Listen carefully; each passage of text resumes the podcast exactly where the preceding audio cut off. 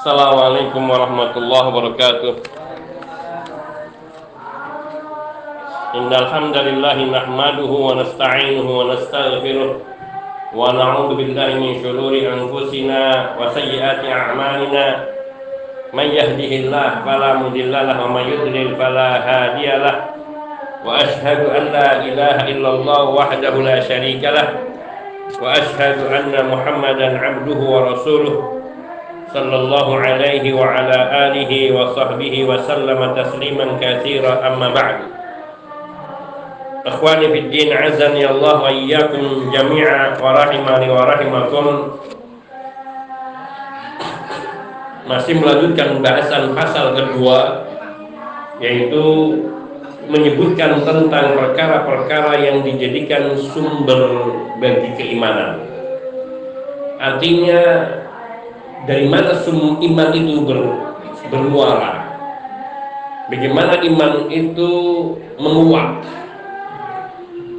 Telah disebutkan terdahulu bahwa ada materi-materi keimanan yang dapat menarik keimanan dan memperkokoh keimanan seseorang ada dua hal secara umum yang global atau yang mujmal dan yang mufassal. Mufassal itu yang terinci yang mujmal. Telah kita sebutkan terdahulu namun kita singkat penyebutannya untuk sekedar mengingat kembali yaitu mentadaburi ayat-ayat Allah yang dibaca dari kitabullah dan juga dari sunnah Nabi Shallallahu Alaihi Wasallam serta merenungi ayat-ayat kauniyah yaitu tanda-tanda kebesaran Allah di alam semesta ini yang memiliki keragaman dan bentuk ataupun jenis yang bermacam-macam. Dari mulai berbagai macam peristiwa yang terjadi di kehidupan kita itu semua merupakan tanda-tanda kauniyah ayat-ayat kauniyah Allah Subhanahu wa taala. Serta ada keinginan yang kuat untuk mengetahui kebenaran yang seorang hamba itu diciptakan untuknya yaitu mengenai Allah mengenal Allah dan menyembah Allah Subhanahu wa taala. Mengenali Allah se dalam-dalamnya sehingga ma'rifatullah itu bagian yang terpenting di dalam kita mendapatkan keimanan. Ketika kita mengenal Allah, maka iman seseorang itu akan menguat. Seberapa besar pengenalan kita terhadap Allah, sebesar itu pula tingkat keimanan seseorang. Dan juga beramal dengan kebenaran dan juga berbagai sebab-sebab yang sumbernya kembali kepada sumber yang agung ini yaitu pengenalan terhadap zat Allah Subhanahu wa taala. Itu yang global. Dan itu sudah kita singgung pada waktu yang lalu. Adapun sumber keimanan yang terinci yaitu al-iman yahsul wa yataqawwa bi umurin katsirah bahwa iman dapat diperoleh dan semakin menguat melalui banyak hal. Nah, mereka itu semua adalah sumber bagi keimanan. Yang pertama di antaranya ini ada banyak disebutkan namun di sini sebagian yang pokok. Hal apakah yang bisa memperkuat keimanan kita dan hal apakah yang bisa menumbuhkan keimanan dalam diri kita? Yang pertama dan ini adalah yang terbesar yang sudah kita singgung di di mujbalnya mengenal nama-nama Allah yang terbaik, terindah yang tersebut di dalam kitabullah dan juga di dalam sunnah Nabi Shallallahu Alaihi Wasallam. Di samping ada keinginan yang kuat di dalam diri seorang hamba untuk memahami makna-makna dari nama-nama Allah yang terindah itu dan beribadah kepada Allah Subhanahu wa taala dengan nama-nama Allah Subhanahu wa taala itu. Maksudnya beribadah kepada Allah dengan nama-nama Allah yakni mengaplikasikan nama-nama Allah di dalam kehidupannya, dalam keberagamaannya, di dalam beribadahnya kepada Allah Subhanahu wa taala. Salah satu contoh ketika kita mengenal Allah Raqibun. Allah itu Maha mengawasi. Maka bagaimana mengimplementasikan pemahaman kita terhadap nama Allah yang Raqib bahwa Allah Subhanahu wa taala senantiasa mengawasi hambanya dan tidak ada satu hamba pun yang terlewatkan dari pengawasan Allah dan tidak ada satu detik pun bahkan yang kurang dari satu detik yang hamba itu terlewatkan dari pengawasan Allah. Maknanya kapan saja, di mana saja, sepanjang perjalanan waktu, seluruh hamba Allah dalam pengawasan Allah. Ini penghayatan penghama, peng, peng, penghayatan perenungan terhadap nama Allah Ar-Raqib. Bagaimana kita beragama beribadah kepada Allah dengan nama Allah ini? Yaitu maka kita senantiasa berusaha sekuat tenaga kita menjaga diri kita agar tidak melanggar syariat Allah. Tidak melanggar larangan-larangan Allah dan senantiasa berusaha menjalankan perintah-perintah Allah karena menyadari dengan sepenuh hati, meyakini dengan sepenuh hati bahwa dia di dalam pengawasan Allah Subhanahu wa taala. Bahkan yang dirasakan seolah-olah Allah selalu mengawasi dirinya dan tidak ada yang lain diawasi. Karena memang demikian bahwa sesungguhnya tidak ada satu gerak-gerik pun pada diri kita yang luput dari pengawasan Allah Subhanahu wa taala. Ma yalfidu min qalin min ma yalfidu min qaulin illa ladaihi raqibun atid. Kata Allah Subhanahu wa taala, ma yalfidu min qaulin tidak ada sesuatu ucapan pun yang terlahir, terlafalkan illa waladaihi raqibun atid melainkan pasti di sisinya, di dekatnya ada malaikat yang senantiasa mengawasinya dan senantiasa ada di dekatnya, ada hadir terus, tidak pernah gaib. Maka di sini beribadah kepada Allah Subhanahu wa taala dengan nama-nama Allah Subhanahu wa taala. Termasuk di dalamnya adalah berdoa kepada Allah dengan menyebut nama-nama Allah Al-Husna.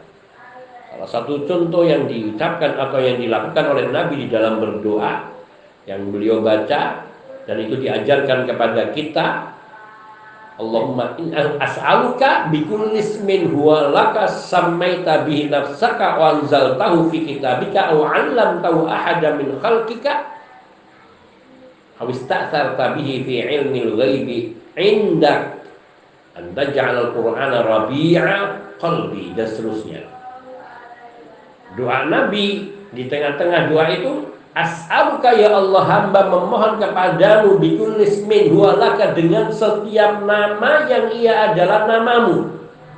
Samaita bihi nafsaka yang engkau menamakan dirimu dengan nama itu. Au anzal taufi kitabika atau nama yang engkau turunkan di dalam kitabmu. yakni kitab suci Al-Quran dan kitab-kitab suci yang lainnya Au alam tahu ahadan min khalqika atau dengan setiap nama dengan nama-nama yang telah engkau ajarkan kepada seorang atau kepada satu dari makhlukmu. Au fi ilmil ghaibi indak atau nama-nama yang engkau sembunyikan di ilmu gaibmu yakni di ilmu Allah yang gaib dari kita yang kita tidak pernah bisa mengetahuinya kecuali dengan izin Allah hamba memohon kepadamu ya Allah dengan seluruh nama yang kau miliki baik yang tersebut maupun yang tidak tersebut yang kita ketahui maupun yang tidak kita ketahui maupun yang engkau simpan. Agar engkau ya Allah menjadikan Al-Quran itu memenuhi hati kami melunakkan hati kami dan seterusnya. Ini namanya berdoa kepada Allah dengan nama-nama Allah. Dan doa itu sendiri adalah ibadah ibadah. Ad-du'a'u huwal ibadah. Doa adalah ibadah. Ini yang terpenting. Tersebut di dalam hadis sahihain Diriwayatkan dari Nabi Shallallahu Alaihi Wasallam bahwasanya beliau bersabda, Inna lillahi tis'atan wa tis'ina isman mi'atan illa wahidan man ahsaha dakhalal jannah Allah Subhanahu wa taala sungguhnya memiliki 99 nama. 100 kurang dari satu. Yang barang siapa? Ahsoha. Niscaya dia akan masuk surga. Kata ahsoha tidak cukup diberi dengan satu makna. Ia mengandung beberapa makna. Maka saya katakan ahsoha. Kita lihat apa makna ahsoha dikatakan oleh para ulama man hafidhoha ahsoha artinya orang yang menjaganya menghafalnya wa fahima ma'aniha dan memahami makna-makna yang terkandung pada nama-nama Allah Subhanahu wa taala. Jadi tidak sekedar hafal tapi juga tahu arti dari nama Allah Subhanahu wa taala tersebut. Wa'taqada dan meyakininya bahwa itulah nama Allah dan Allah disifati dengan nama tersebut. Jangan seperti orang Jahmiyah yang mereka mengatakan bahwa itu hanya nama-nama sebagai simbol belaka yang tidak memiliki arti.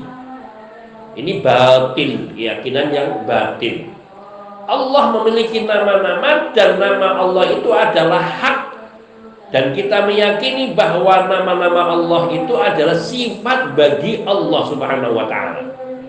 Seperti kita katakan tadi Allahu Raqibun, Allah Maha Raqib.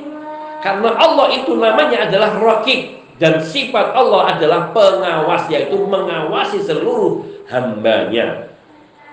Wa ta'abbada lillahi biha dan ia beribadah kepada Allah ia beribadah karena Allah dengan nama-nama Allah itu itu makna ahsaha jadi makna ahsaha mengandung empat makna Barang siapa yang ihsa kepada nama-nama Allah yang 99 itu maka dakhalal jannah dia pasti masuk surga.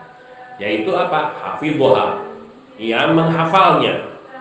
Wa fahima ma'aniha. Ia memahami makna-makna dari Asmaul Husna tadi. Nama-nama Allah yang 99 tadi. Kemudian wa'taqada dan dia meyakininya kebenaran akan nama-nama Allah Subhanahu wa taala sebagaimana yang Allah namakan dirinya dengan nama-nama itu. Kemudian yang kelima, yang keempat, yakni wa ta'abbada lillahi biha ia beribadah karena Allah dengan nama-nama tersebut. Ini makna ahsa dalam konteks ini. Meskipun makna ahsa dalam pengertian bahasa bisa artinya menghafal, bisa artinya menghitung Wa in ta'uddu ni'matallahi la tuhsuha. Kata tuhsu tuhsuha itu dari asal kata ahsa yuhsi. Antum tuhsuna. Wa in ta'uddu ni'matallah bila kalian berusaha untuk menghitung-hitung nama Allah membilang nama Allah la tuhsuha kalian tidak akan pernah mampu untuk menjangkaunya menjangkau hitungannya itu makna ahsa sehingga kata ahsa yuhsi ihsa'an ihsa itu juga diartikan kalau di dalam bahasa kependudukan namanya sensus. Ihsa'u sukani al-bilad. Sensus penduduk negeri. Itu itu eksak juga itu secara bahasa. Namun konteks di dalam makna hadis Nabi Inna lillahi tis'atan wa tis'ina mi'atan tis'ina isman mi'atan illa wahidan man ahsa'a dakhala jannah yakni ada 99 nama Allah yang siapa menghafalnya memahami maknanya. Kemudian ia yakni meyakini maknanya, makna meyakini nama-nama itu serta beribadah karena Allah dengan nama-nama itu dakhalal jannah dia pasti dijamin oleh Allah masuk ke dalam surga. Dijamin masuk surga. Wal jannatu la yadkhuluha illal mu'minun. Dan surga itu hanya dimasuki oleh orang-orang yang beriman. Maknanya orang yang tidak beriman, dia tidak akan masuk surga. Maka dapat diketahui di sini bahwa sesungguhnya mengenal nama-nama Allah Subhanahu wa taala merupakan sumber dan materi terbesar untuk memperoleh keimanan, mendapatkan kekuatan keimanan dan keteguhan di dalam beriman kepada Allah. Dan mengetahui nama-nama Allah yang husna yang terindah adalah merupakan aslul iman, iman yang paling mendasar.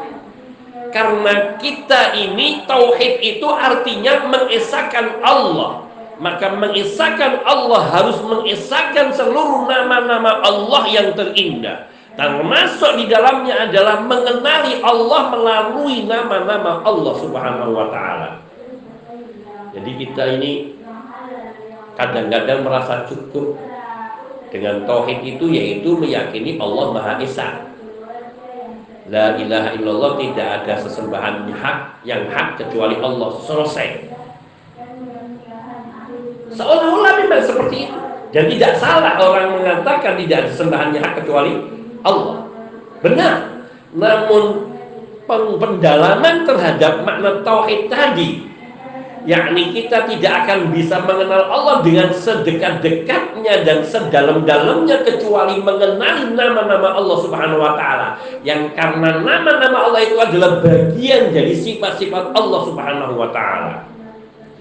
Dan nama-nama Allah itu menunjuk kepada kesempurnaan, ke kebesaran dan kesempurnaan Allah Subhanahu wa taala. Karena Allah yang Maha Kuasa, Allah Al-Qadir, Allah yang Maha Besar, Allah Al-Kabir, Al-Azim. Allah yang Maha Pengasih, Penyayang, Ar-Rahman, Ar-Rahim. Dan seterusnya semua nama-nama Allah Subhanahu wa taala yang diajarkan Allah kepada kita dan juga yang tidak Allah ajarkan kepada kita yang Allah simpan di lah mahfud itu semua tidak bisa lepas dari zat Allah dan tidak bisa lepas dari diri Allah karena ia merupakan bagian satu kesatuan Allah itu esa tapi memiliki nama yang banyak dan nama itu adalah sifat-sifat bagi Allah yang menunjukkan kesempurnaan dan keagungan zat Allah Subhanahu wa taala. Maka mengimani Asmaul Husna, mengetahui mengenal Asmaul Husna merupakan aslul iman, dasar yang paling pokok di dalam beriman kepada Allah. Dan semua keimanan itu kembali kepada Asmaul Husna. Maka orang yang beriman kepada Allah namun dia menolak sebagian dari nama Allah, dia tidak beriman kepada Allah. Orang yang mengaku beriman kepada Allah namun dia menolak sebagian dari nama Allah, maka berarti dia tidak beriman kepada Allah.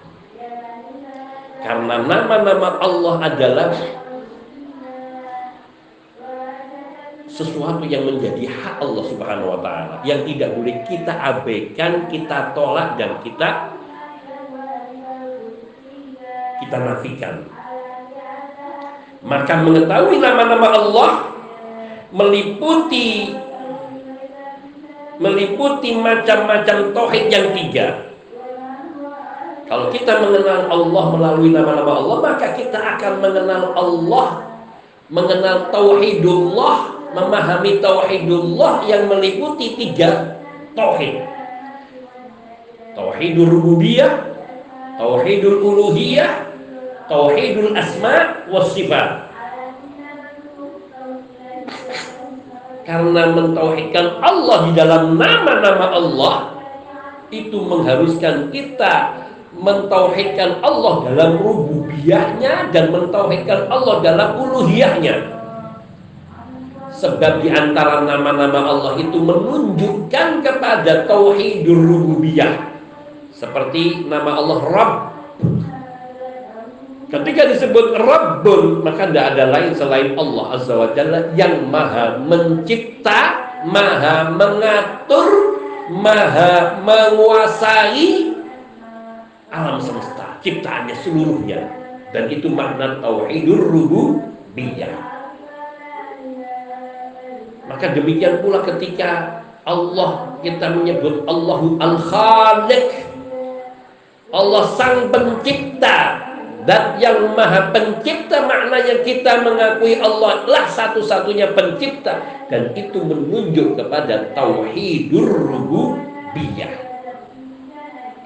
Maka demikian pula ketika kita menunjuk kepada nama Allah Subhanahu wa taala. Yakni Allah. Yang maha kuasa Allah yang maha kuasa yang tiada sesembahan selain Allah. Atau menyebut nama Allah sendiri juga menunjukkan tauhidul uluhiyah. Karena lafdul jalalah Allah adalah nama Allah yang paling agung. Ismullahil A'zam. Dan semua nama-nama yang lain menjadi sifat bagi Allah Subhanahu wa taala. Dan Allah tidak dijadikan sifat bagi nama-nama Allah yang lain. Maksudnya gimana? Kita mengatakan Allahu Rahman Ar-Rahman Ar-Rahim. Tapi nggak bisa kita mengatakan Ar-Rahmanullah. Nggak bisa Allah menjadi sifat bagi nama Allah Ar-Rahman atau Ar-Rahim atau nama-nama yang lain. Namun semua nama-nama yang lain selain Allah itu menjadi sifat bagi Allah Subhanahu wa taala. Allahu Sami, Allahu Basir, Allahu Alim, Allahu Rahman, Allahu Rahim, Allahu Rafiq, Allahu Raqib, Allahu Raqib, Allahu semuanya. Maka di sini mengandung tauhidul uluhiyah. Dan juga di dalam tauhidul asma jelas sekali bahwa semua nama-nama Allah itu adalah tauhid sifat wal asma mentauhidkan Allah dalam nama dan sifat yaitu mengakui menerima semua nama-nama Allah yang Allah ajarkan kepada kita melalui kitab sucinya maupun yang diajarkan oleh Nabi kita Shallallahu Alaihi Wasallam di dalam sunnahnya. Maka sungguhnya Semakin hamba itu mengenal Allah dengan melalui nama-nama Allah yang terindah dan melalui sifat-sifat Allah maka semakin bertambah keimanannya dan semakin kuat keyakinannya. Semakin kita mendalam menghayati nama-nama Allah dan sifat-sifat Allah, maka semakin bersamakin bertambah keimanan kita dan semakin kuat keimanan keyakinan kita kepada Allah Subhanahu wa taala. Ini mutlak. Dan di situlah yang akan menyebabkan tumbuhnya kecintaan kepada Allah dengan kecintaan yang hakiki. Sehingga kita ketika mampu mencapai derajat mahabbah Mahabbatullah mencintai Allah dengan sempurna. Maka sungguh kita tidak memandang kepada sesuatu pun di alam semesta ini selain Allah. Tidak ada yang dijadikan tujuan di dalam hidupnya selain Allah mereka yang beribadah kepada Allah dengan ihsan. Itulah yang mereka mencintai Allah lebih besar daripada yang beribadah dengan iman apalagi dengan Islam. Maka yang wajib yang selayaknya sepatutnya bagi seorang mukmin untuk mencurahkan segala kemampuan dan kesanggupannya kesanggupannya di dalam mengenali nama-nama Allah dan sifat-sifat Allah yang mulia lagi maha tinggi.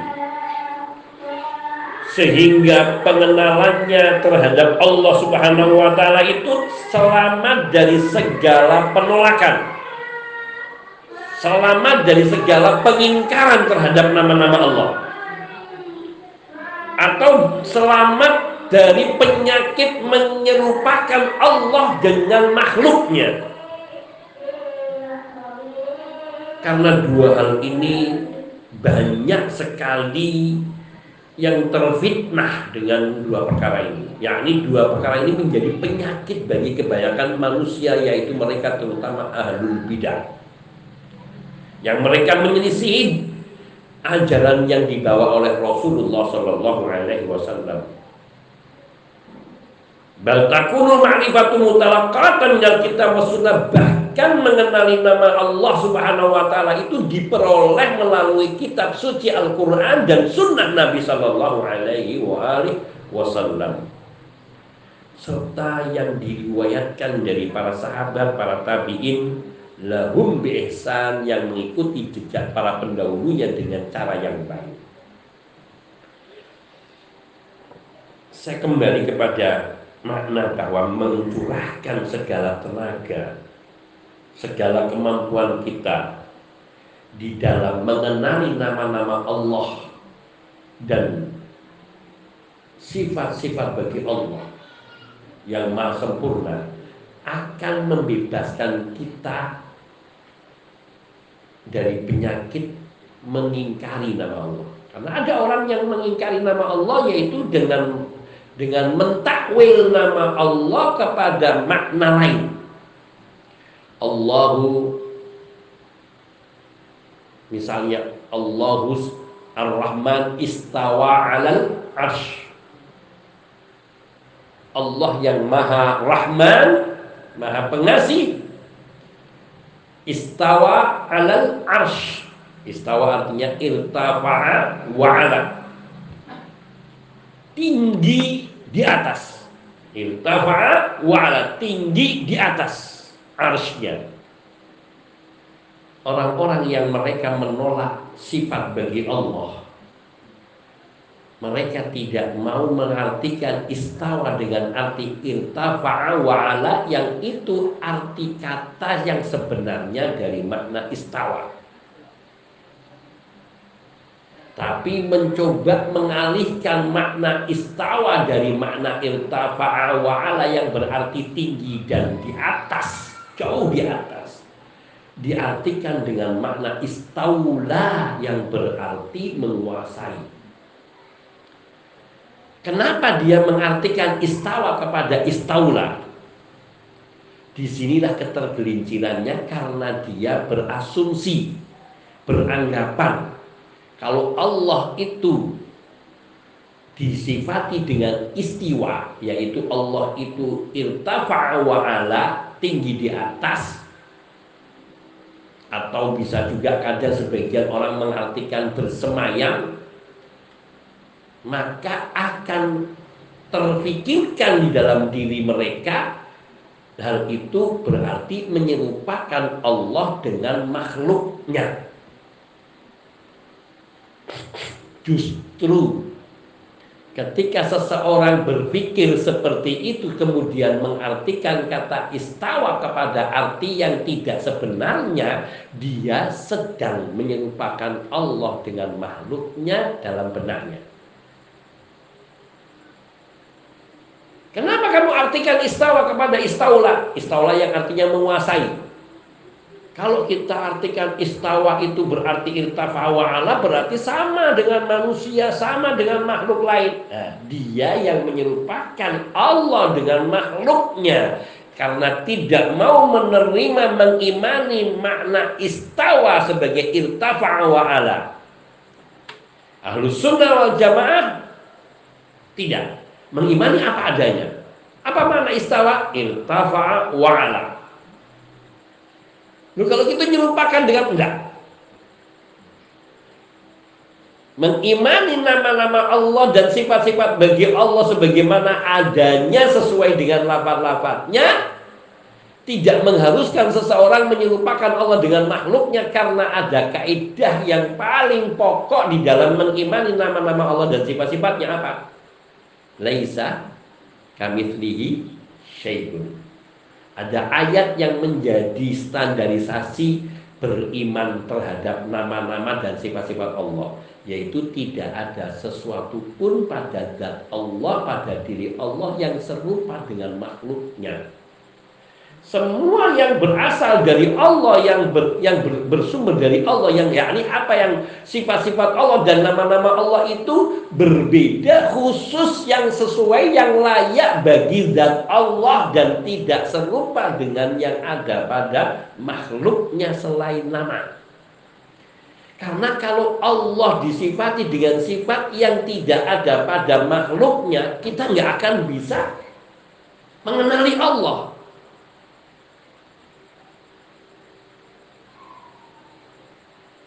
Maka untuk memudahkan bagi hamba mengenali Allah menggunakan istilah yang dikenal oleh kita. Allah Maha Penyayang. Kalau mau diartikan dengan sifat yang lainnya tidak kita kenali kata-kata penyayang, maka akan sulit kita mengenali Allah. Namun yang harus kita tegaskan selalu bahwa tidak ada sesuatu pun yang serupa dengan Allah. Maknanya sifat penyayangnya Allah tidak boleh disamakan dengan sifat penyayangnya manusia atau makhluk. Sesayang-sayangnya manusia kepada sesamanya seperti seorang ibu yang sayang kepada anaknya tidak akan dapat mengalahkan kasih sayangnya Allah kepada hamba. Satu contoh. Seseorang pembunuh kelas berat Yang sudah membunuh 99 orang.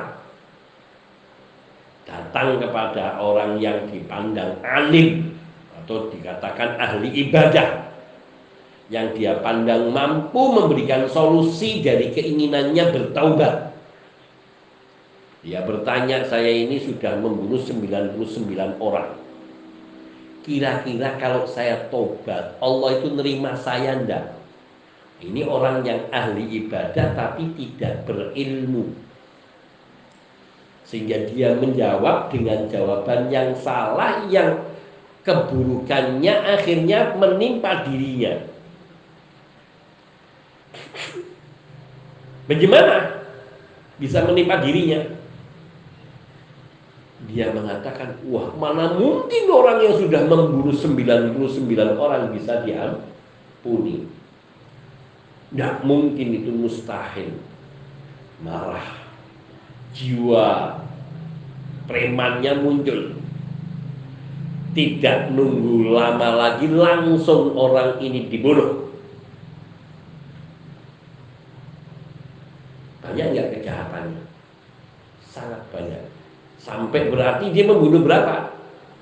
100. Dia tanya-tanya lagi mana kira-kira orang yang pinter, yang benar-benar tahu ilmu. Ditunjukkan kepada seseorang. Lalu didatanginya orang itu. Yang mengatakan, wahai guru, saya sudah membunuh 99 orang ditambah satu yang belakangan saya tanya katanya saya nggak diterima tobatnya saya bunuh jadi genap 100 saya membunuh orang. Kira-kira kalau saya tobat Allah ngampuni ndak dosa saya. Apa kata orang yang alim? Ini di sinilah pentingnya ilmu. Ketika dia menjawab dengan dasar ilmu yang benar, maka memberikan faedah yang besar bagi dirinya dan juga orang lain yang diberi jawaban. Siapa yang bisa menghalangi seseorang? Siapa yang bisa menghalangi Allah untuk menerima taubat hambanya? Lihat kalimatnya. Siapa yang bisa menghalangi Allah untuk menerima taubat hambanya meskipun dia telah membunuh seratus orang? Kalau dia bertaubat dengan sungguh-sungguh.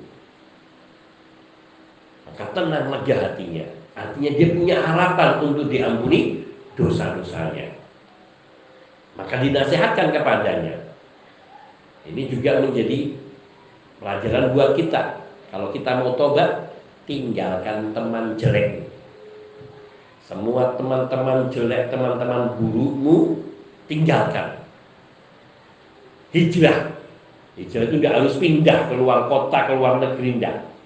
Kalau itu bermanfaat dan itu menghantarkan kepada kebaikan, lakukan. Namun tidak harus. Yang maknanya hijrah meninggalkan keburukan-keburukannya. Kemaksiatan-kemaksiatannya. Namun di sini diperintahkan kepada tinggalkan teman-temanmu, keluargamu yang mereka jelek-jelek, yang men, yang mendidikmu keburukan itu semua. Hijrahlah kamu ke negeri orang-orang yang ahli ibadah, yang ahli to'ah. Hiduplah kamu bersama mereka beribadah kepada Allah. Ditunjukkan satu negeri, satu daerah, pergi kau ke sana. Di sana tinggal orang-orang yang soleh, orang-orang yang baik, maka engkau akan menjadi baik. Maka ini menjadi isyarat pula buat kita. Kalau kita ingin kuat di dalam berhijrah, kumpullah bersama dengan orang-orang yang baik. Duduk bergaul dengan orang-orang yang baik. Maka insya Allah kita akan menjadi orang baik. Maka berangkatlah dia. Di tengah-tengah jalan, rupanya Allah takdirkan hamba ini meninggal dunia. Maka dikisahkan dalam riwayat yang sahih diriwayatkan Imam Bukhari dan yang lainnya ada dua malaikat, malaikat rahmah dan malaikat azab yang datang dan mereka berebut ingin masing-masing ingin mengambil hamba ini si pendosa besar ini yang satu ingin membawanya ke surga, yaitu malaikat rahmat. Yang satunya lagi malaikatul malakul adab ingin membawanya ke neraka karena dia pendosa. Yang malakul rahmah karena dia menganggap dia sedang menuju taubat atau dia sudah bertobat dan sedang menuju kepada kebaikan. Yang malakul adab mengatakan dia belum pernah berbuat kebaikan sekalipun. Akhirnya mereka berebut, Allah utus malaikat. Yang malaikat ini kemudian diperintahkan oleh Allah untuk menengahi dua malaikat ini. Kemudian dua malaikat ini diberi pilihan bahwa Allah Subhanahu wa taala memerintahkan untuk mengukur jarak negeri yang dia tinggalkan dan jarak negeri yang dia tempuh. Posisi kematiannya lebih dekat ke mana? Orang ini ketika mati dia lebih dekat ke mana? Lebih dekat ke negeri yang dia tinggalkan yang di sana banyak ahlu maksiatnya yang telah mengajarinya kemaksiatan atau lebih dekat ke negeri yang dia tuju yang di sana tinggal orang-orang yang baik dan orang-orang yang soleh. Maka dihitunglah diukur. Setelah dihitung diukur, ternyata orang ini lebih dekat sejengkal. Ke mana? Ke negeri yang dituju, ke negeri orang-orang soleh. Allah Akbar. Hanya persoalan sejengkal jaraknya menyelamatkan dia dari adab Allah. Kasih sayang Allah sepadan tidak dengan kemaksiatannya. Inilah makna betapa besarnya rahmat Allah Azza wa Jalla bahkan kepada hamba yang telah berbuat jahat dengan membunuh seratus orang yang di antaranya terakhirnya adalah seorang yang ahli ibadah dan ia belum berbuat kebaikan sekalipun selain dia berniat besar ingin bertobat dan menunjukkan itikat taubatnya yang sungguh-sungguh dengan berjalan menuju negeri yang diperintahkan atau yang disarankan oleh orang yang alim tadi. Dan dia belum melakukan selain berjalan namun Jaraknya yang Allah takdirkan lebih dekat ke negeri yang dituju sejengkal dari negeri yang dia tinggalkan, menyelamatkan dirinya dan Allah memasukkannya ke dalam surga. Allah mengampuni dosa-dosanya. Allah Akbar.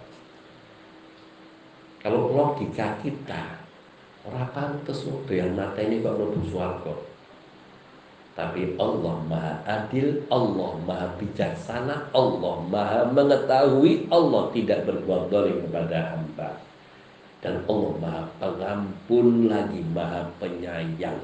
Sifat-sifat Allah semua ini menunjukkan kebesaran Allah dan kesempurnaan Allah Subhanahu wa taala dalam semua nama dan sifat-sifatnya. Maka beda. Meskipun Allah disebut sifatnya penyayang Tapi tidak sama penyayangnya Allah dengan makhluk.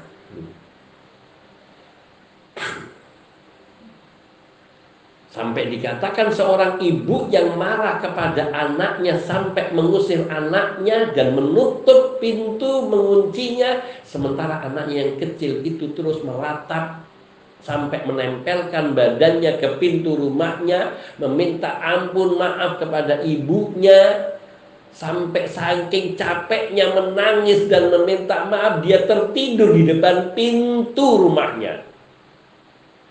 Sang ibu yang memiliki jiwa penyayang yang sangat dalam, tidak tega dengan anaknya meskipun anaknya telah melanggarnya, telah nakal dan durhaka dalam pengertian ibu lalu dibukanya pintu. Didapatinya anaknya telah tertidur di popongnya wahina makanya jangan kau berbuat nakal atau durhaka kepada ibumu. Dipeluknya dibawanya dia masuk. Penyayang dari ibu. Sangat penyayang. Tapi kata Nabi penyayangnya ibu kepada anaknya ini masih belum seberapa dibandingkan sayangnya gembira sayangnya Allah kepada hambanya yang datang bertobat kepada Allah dari dosa-dosanya.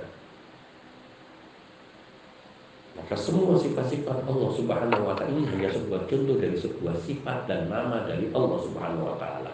Seluruh sifat-sifat Allah dan nama-nama Allah itu adalah sifat yang sempurna yang tak tertandingi sedikit pun dalam hakikat dengan semua sifat-sifat yang ada pada hamba-hambanya dan makhluk-makhluknya.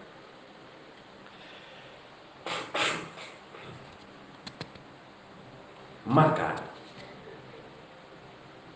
mengenali nama-nama Allah yang terindah, yang memberi manfaat, yang senantiasa akan menambahkan keimanan dan keimanan dan memperkuat keyakinan orang tersebut bahkan akan menumbuhkan ketentraman bagi jiwanya, hatinya di dalam semua keadaannya. Orang yang kenal Allah dengan nama-nama Allah, mengenal Allah melalui nama-nama Allah, hidupnya tentram, tenang, tidak dipengaruhi dengan segala keadaan yang ada.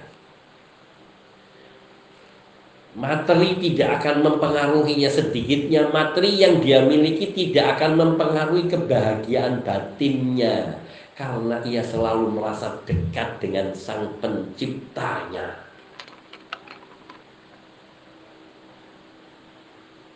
inilah hal yang terabaikan dari kebanyakan kita. Maka sungguhnya semua pen, pendalaman kita terhadap agama Allah terhadap keimanan mempelajari asmaul husna dan mengenali sifat-sifat Allah yang mulia lagi tinggi tujuan tertingginya adalah untuk mengenal Allah Subhanahu wa taala secara sempurna yang hal itu akan menumbuhkan keimanannya, menguatkan keyakinannya, dan akan memberinya kedamaian di dalam batin dan hatinya sepanjang hidupnya. Sehingga dia akan menyembah kepada Allah dengan sangat tauhid. Tidak cukup dengan kata tauhid tapi sangat tauhid karena dia mengenal Allah. Orang yang mengenal Allah maka dia tidak akan sedikit pun terjatuh kepada kesyirikan dan satu contoh teladan yang tidak bisa kita pungkiri siapa? Nabi kita Muhammad Sallallahu Alaihi Wasallam. Beliau adalah manusia yang paling mentauhidkan Allah dari umat ini dan juga para nabi serta rasul-rasul sebelumnya. Sehingga Nabi Shallallahu Alaihi Wasallam mencapai derajat Khalilullah, kekasih Allah. Kedudukan Khalilullah itu lebih tinggi dari Habibullah. Meskipun sama-sama bermakna kekasih, namun kata Khalilullah kedudukan kekasih di dalam kata Khalil lebih tinggi daripada kedudukan Habib. Maknanya Nabi tidak boleh menempatkan seseorang pun selain Allah di dalam hati beliau. Sehingga beliau tidak ada kesedihan sedikit pun di dalam hatinya kesedihan yang berlarut yang sampai menyebabkan beliau lengah lalai dari hak-hak Allah Azza wa Jalla. Sehingga beliau adalah contoh dari semua kebaikan Beliau adalah teladan dalam segala kebaikan. Tidak ada satu akhlak mulia pun yang semua akhlak mulia yang ada pada semua makhluknya melainkan semuanya terkumpul pada diri Rasulullah Shallallahu Alaihi Wasallam.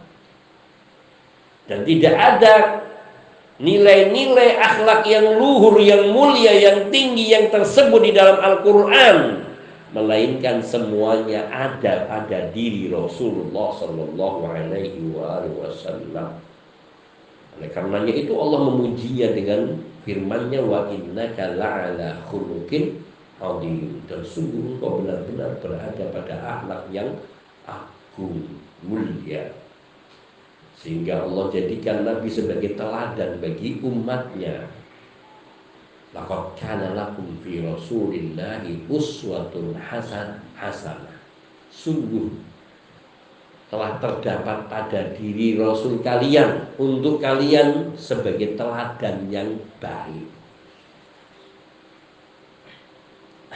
Teladan yang baik dalam beriman kepada Allah dalam kondisi dikejar oleh musuh saat beliau hijrah bersama bersama sahabatnya yang paling dekat Abu Bakar As-Siddiq radhiyallahu taala bahkan mertuanya ketika musuhnya ada di atas kepalanya di atas gua yang beliau berlindung di situ yakni menyembunyikan diri bersama dengan sahabatnya Abu Bakar ini sampai-sampai berkata berbisi Abu Bakar ya Rasulullah sekiranya ini orang yang di atas dia nengok ke bawah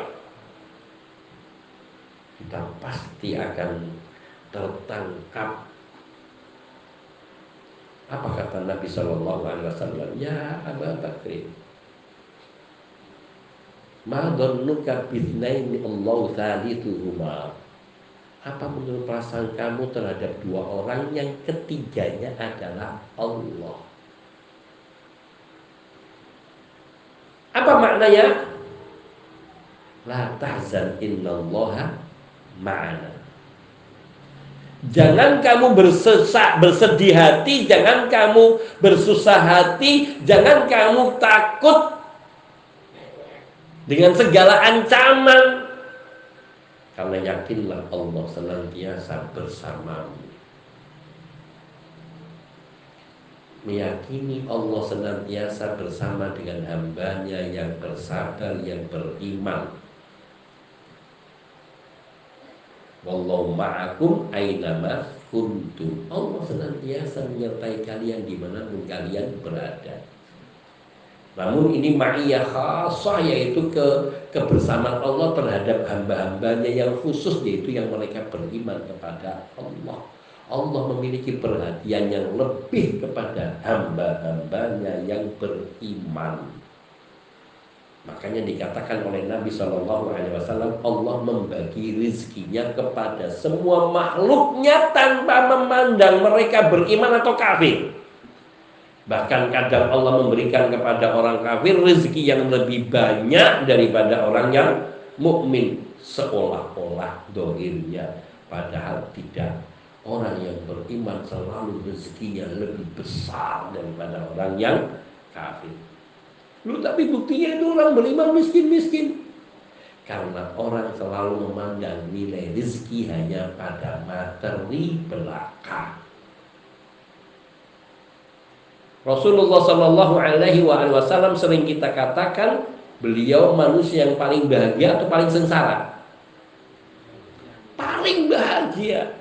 Tidak ada kesedihan pada diri beliau yang sampai membinasakan beliau. Kesedihan-kesedihan manusiawi yang tidak berlarut-larut yaitu ketika ditinggal mati oleh orang-orang tercintanya. Namun itu semua tidak menyebabkan beliau larut dan bersedih hati yang berlebihan karena beliau mengetahui mereka semua kembali kepada Allah. Nabi yang paling bahagia. Kita tahu adakah Nabi hidupnya dalam kemewahan atau dalam kesederhanaan atau dalam kemiskinan? Bahkan Nabi hidup dalam kemiskinan lebih banyak daripada kemewahan. Sampai dikatakan oleh Aisyah radhiyallahu taala anha bahwa Nabi Shallallahu alaihi wasallam kami hidup bersama Nabi dan hampir tidak pernah kami kenyang tiga hari berturut-turut. Kenyang tiga hari berturut-turut tidak pernah.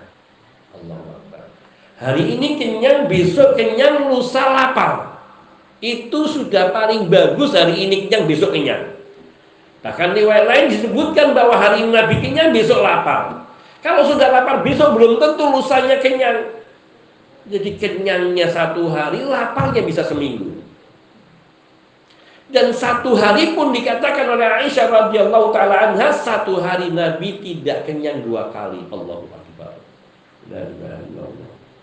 Betapa kita ini lebih makmur dibandingkan Nabi Shallallahu Alaihi Wasallam. Kita pagi kenyang, siang kenyang juga, sore kenyang, malam kenyang. Karena makanya empat kali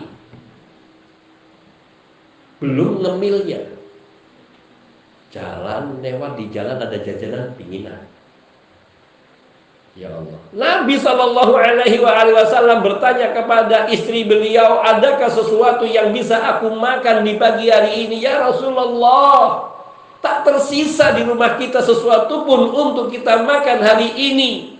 La ilaha.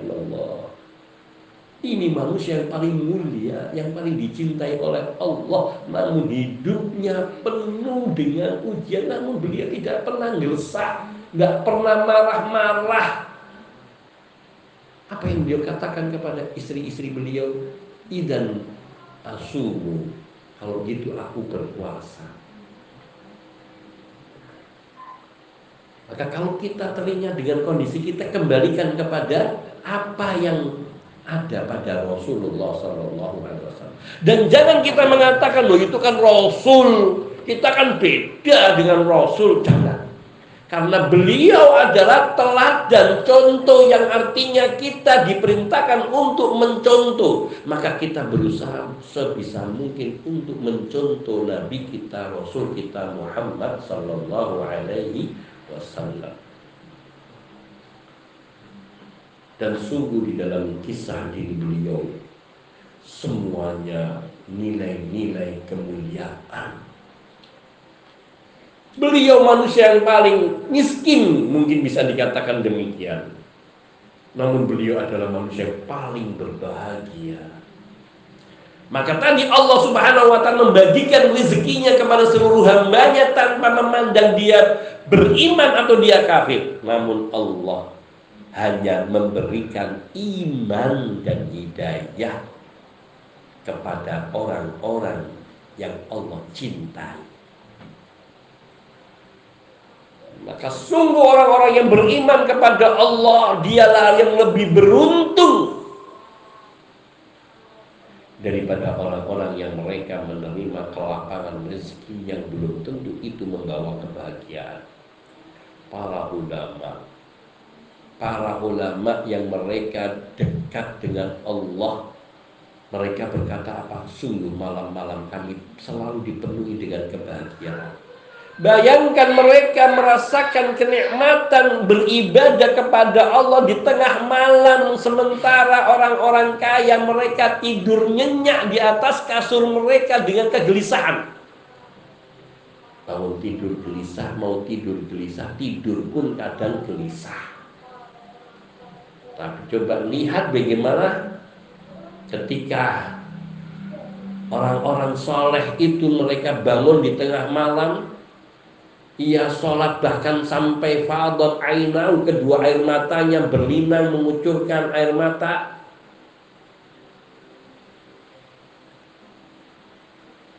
Mereka nangis sedih atau nangis bahagia? Tangisan yang membuahkan ketenangan, ketentraman dan kebahagiaan. Mereka menangis takut dengan akhirat mereka, namun dengan sebab itu mereka mendapatkan ketentraman, ketenangan hati sampai mereka berkata, sekiranya para raja, para penguasa yang mereka hidupnya dalam kelimpahan dan kenikmatan mengetahui kenikmatan kebahagiaan yang kami rasakan setiap hari, mereka pasti akan memenggal leher-leher kami karena iri tidak bisa merasakan yang seperti kami rasakan. Maka kebahagiaan itu bukan pada bertumpuknya materi. Kebahagiaan itu terletak pada besarnya keimanan dan ketakwaan hamba kepada Allah. Dan besarnya keimanan dan ketakwaan hamba kepada Allah hanya bisa diraih salah satunya dengan mengenal Allah Subhanahu wa taala. Ini sumber pertama.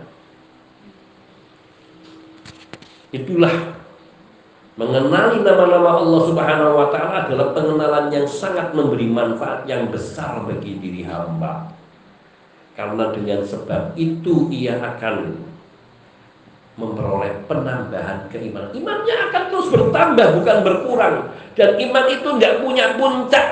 Puncak daripada ketinggian iman yaitu imannya para malaikat. Dan kita masih jauh dari imannya para malaikat. Maknanya semakin kita mengenal Allah, semakin dekat kepada Allah, kita terus akan meningkat iman kita biidnillah ta'ala. Maka itulah tujuan mengenal tauhid dengan baik melalui nama-nama Allah Subhanahu wa taala. Ini baru satu poin sumber keimanan sumber yang bisa menumbuhkan keimanan di dalam diri hamba dan menguatkannya. Semoga Allah Subhanahu wa taala memudahkan kita dan memberi taufik kepada kita untuk bisa mengenal Allah Subhanahu wa taala melalui nama-nama. Mungkin bagi kita berbicara Asmaul Husna, sifat-sifat Allah itu kadang menjemukan bagi sebagian orang. Kenapa? Belum akrab. Apa sih yang dipelajari di dalam nama-nama Allah? Seolah-olah tidak ada sesuatu yang bernilai. Padahal di situ inti daripada ajaran Islam seluruhnya adalah mengenal Allah. Karena sungguh seseorang tidak akan memperoleh kebaikannya kalau dia belum mengenal Allah. Orang boleh mengaku dia ahlu tauhid tapi belum tentu dia benar-benar ahlu tauhid kalau belum mengenal Allah dan untuk mengenal Allah yang terbaik adalah mengenali nama-nama Allah. Memahami makna dari nama-nama Allah. Meyakini akan kebenaran dari nama-nama Allah Subhanahu wa taala serta dapat me mengimplementasikan yakni me meresapkan di dalam dirinya sehingga menjadi pengaruh bagi setiap perbuatannya. Ketika dia di dalam di ujian berbagai macam ujian dia ingat Allah itu maha penyayang pasti dan Allah itu maha adil pasti ini hanya ujian yang Allah menginginkan kebaikan kepada kita dengan ujian selalu akan berpikir positif kepada Allah dan berhusnudon kepada Allah. Karena dia meyakini Allah berfirman dalam hadis qudsi, "Ana inda dhanni abdi bi." Aku menurut prasangka hambaku terhadapku Artinya Allah akan bersikap kepada hamba Sesuai dengan prasangka hamba itu kepada Allah Indonna li khairan falahu wa indonna li syarran falahu. Kalau dia memper, mem, kalau dia mem, ber, berprasangka baik kepadaku, maka aku pun akan berbuat baik kepadanya. Dan kalau hambaku berprasangka buruk kepadaku, maka aku pun akan bersikap demikian kepadanya. Lihat sekarang, Kita di sini diajari untuk berpikir optimis dan juga selalu berpikiran positif. Tidak mengatakan kalimat-kalimat yang menunjukkan kita ini suudon kepada Allah. Contohnya, aku dan payah seorang bakal itu rezeki ini suudon kepada Allah.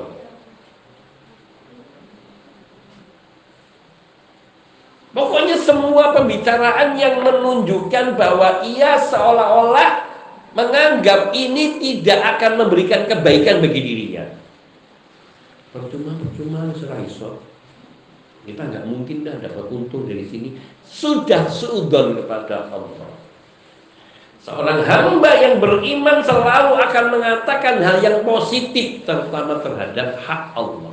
Karena Allah tidak pernah berbuat dolim kepada hamba. Allah tidak pernah berbuat dolim. Ma walakin kanu anfusahum yadhlimun. Allah tidak pernah berbuat dolim kepada mereka.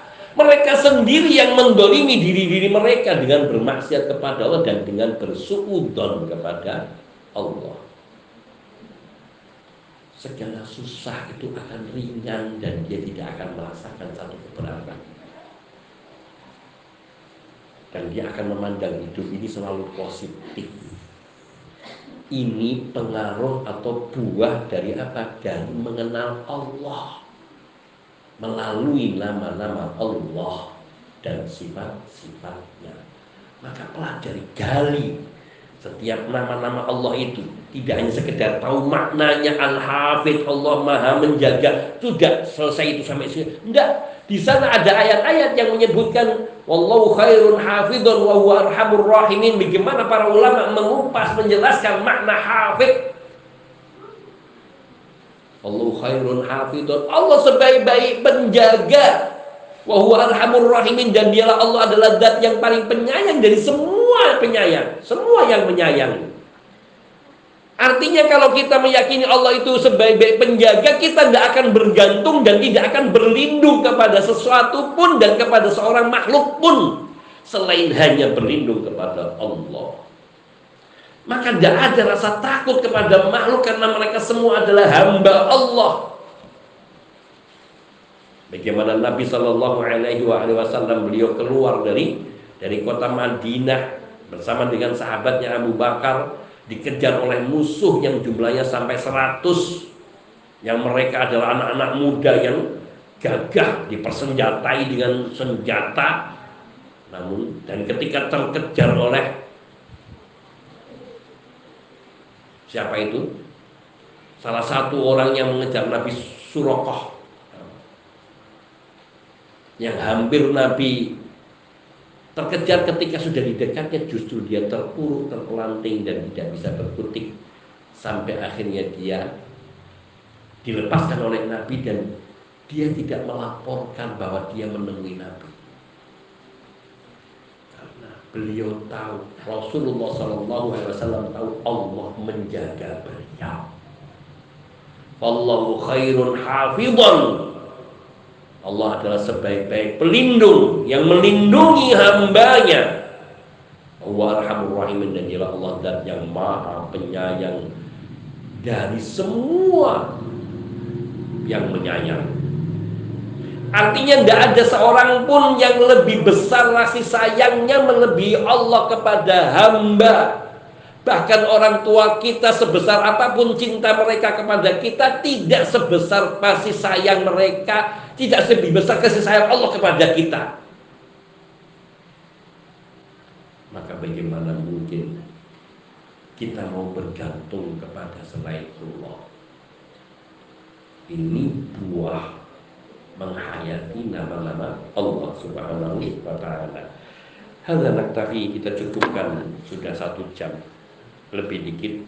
Barangkali ada pertanyaan insya Allah kita akan lanjutkan yang kedua dan ketiga dan seterusnya yang itu semua menjadi sumber-sumber bagi keimanan dan tumbuh kembangnya keimanan di dalam diri kita. Ada sampai ke poin ke-8 atau ke